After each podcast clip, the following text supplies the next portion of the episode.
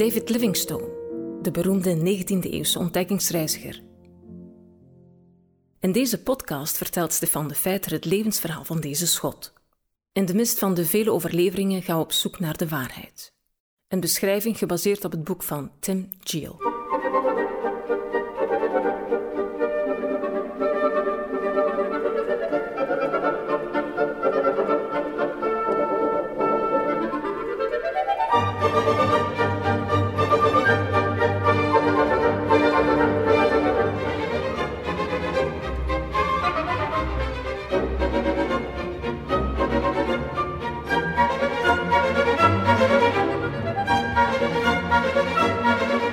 Segele, het plaatselijke stamhoofd in Shonuane, de plek waar de Livingstones nu wonen, heeft een verbazingwekkende aanleg om te leren en boekt ongelooflijk veel vooruitgang bij het lezen.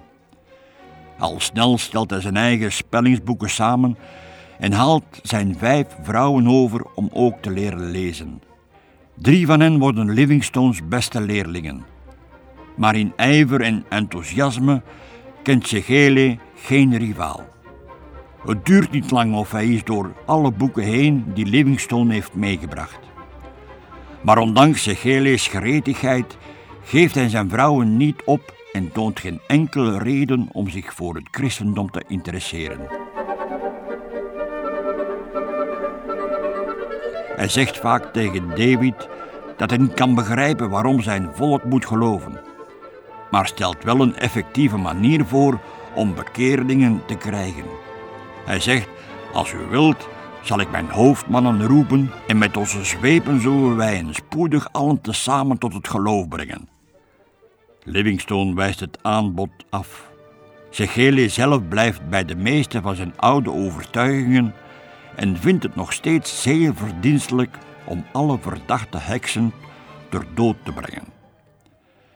Bij een gelegenheid vraagt hij Livingstone of hij gered zal worden als hij rechtvaardig zou handelen, gevechten zou vermijden, zowel zijn eigen volk als vreemden vriendelijk zou behandelen, tot God zou bidden en heksen zou blijven doden. Het was ook een terechte vraag, want Segele gelooft oprecht dat het doden van heksen een noodzakelijke sociale plicht is. Heksen konden mensen vermoorden of ernstig ongemak bezorgen. Dus werden ze in zijn ogen beter uit de weg geruimd. Livingstone boekt wel wat succes door Segele over te halen de job als regenmaker voor een periode op te geven. Maar het is een succes dat hij later betreurt, want de hele bakwijnstam geeft Livingstone de schuld van de aanhoudende droogte die op Segele's besluit volgt. Uiteindelijk is Segele verplicht om weer regen te maken.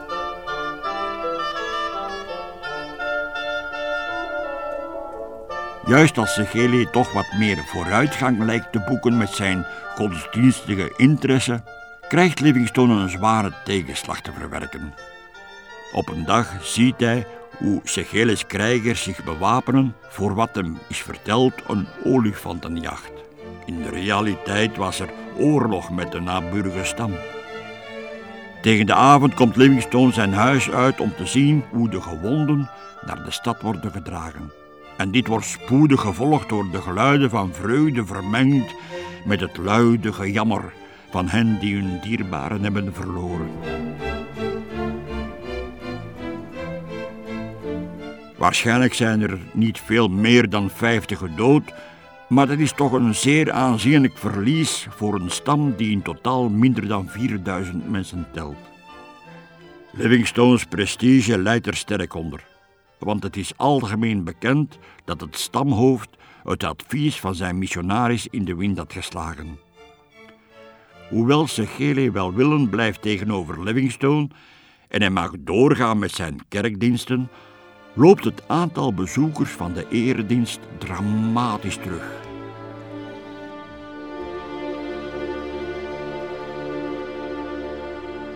In juli 1846 vertrekt Livingstone samen met de inlandse missionaris Paul voor twee reizen die samen acht maanden zullen duren.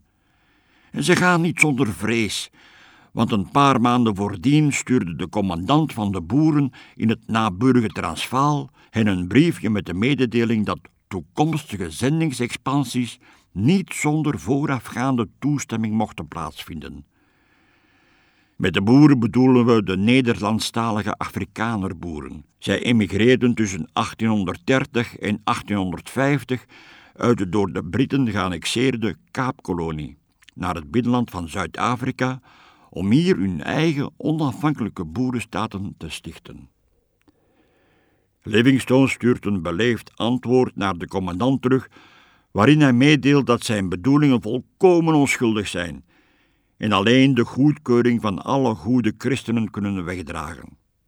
De boeren, met hun trouw aan de Nederlands hervormde kerk, zijn immers christenen, maar hun kerk erkende niet de gelijkheid van blank en zwart.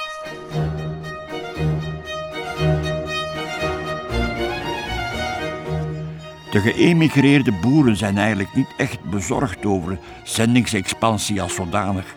De missionarissen hebben zo weinig succes dat de boeren vaak suggereren dat ze meer succes zouden hebben bij het bekeren van bavianen.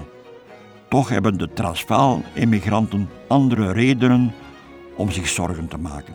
Want zij herinneren zich de dagen voordat zij de kolonie uittrokken. Toen had de politieke druk van de missionarissen de Kaapse regering gedwongen de dwangarbeid via de inheemse bevolking en de inbeslagneming van inheems land door de boeren te veroordelen.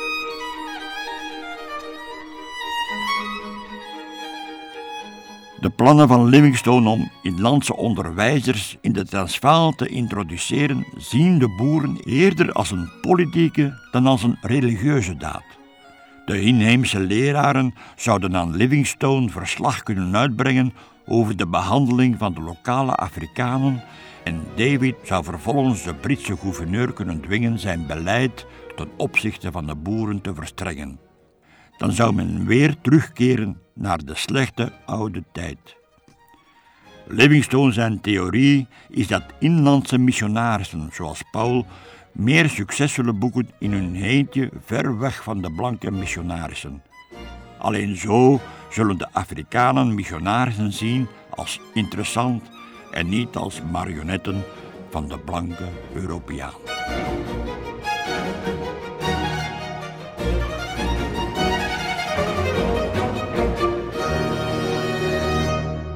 Dit was een podcast van TWR.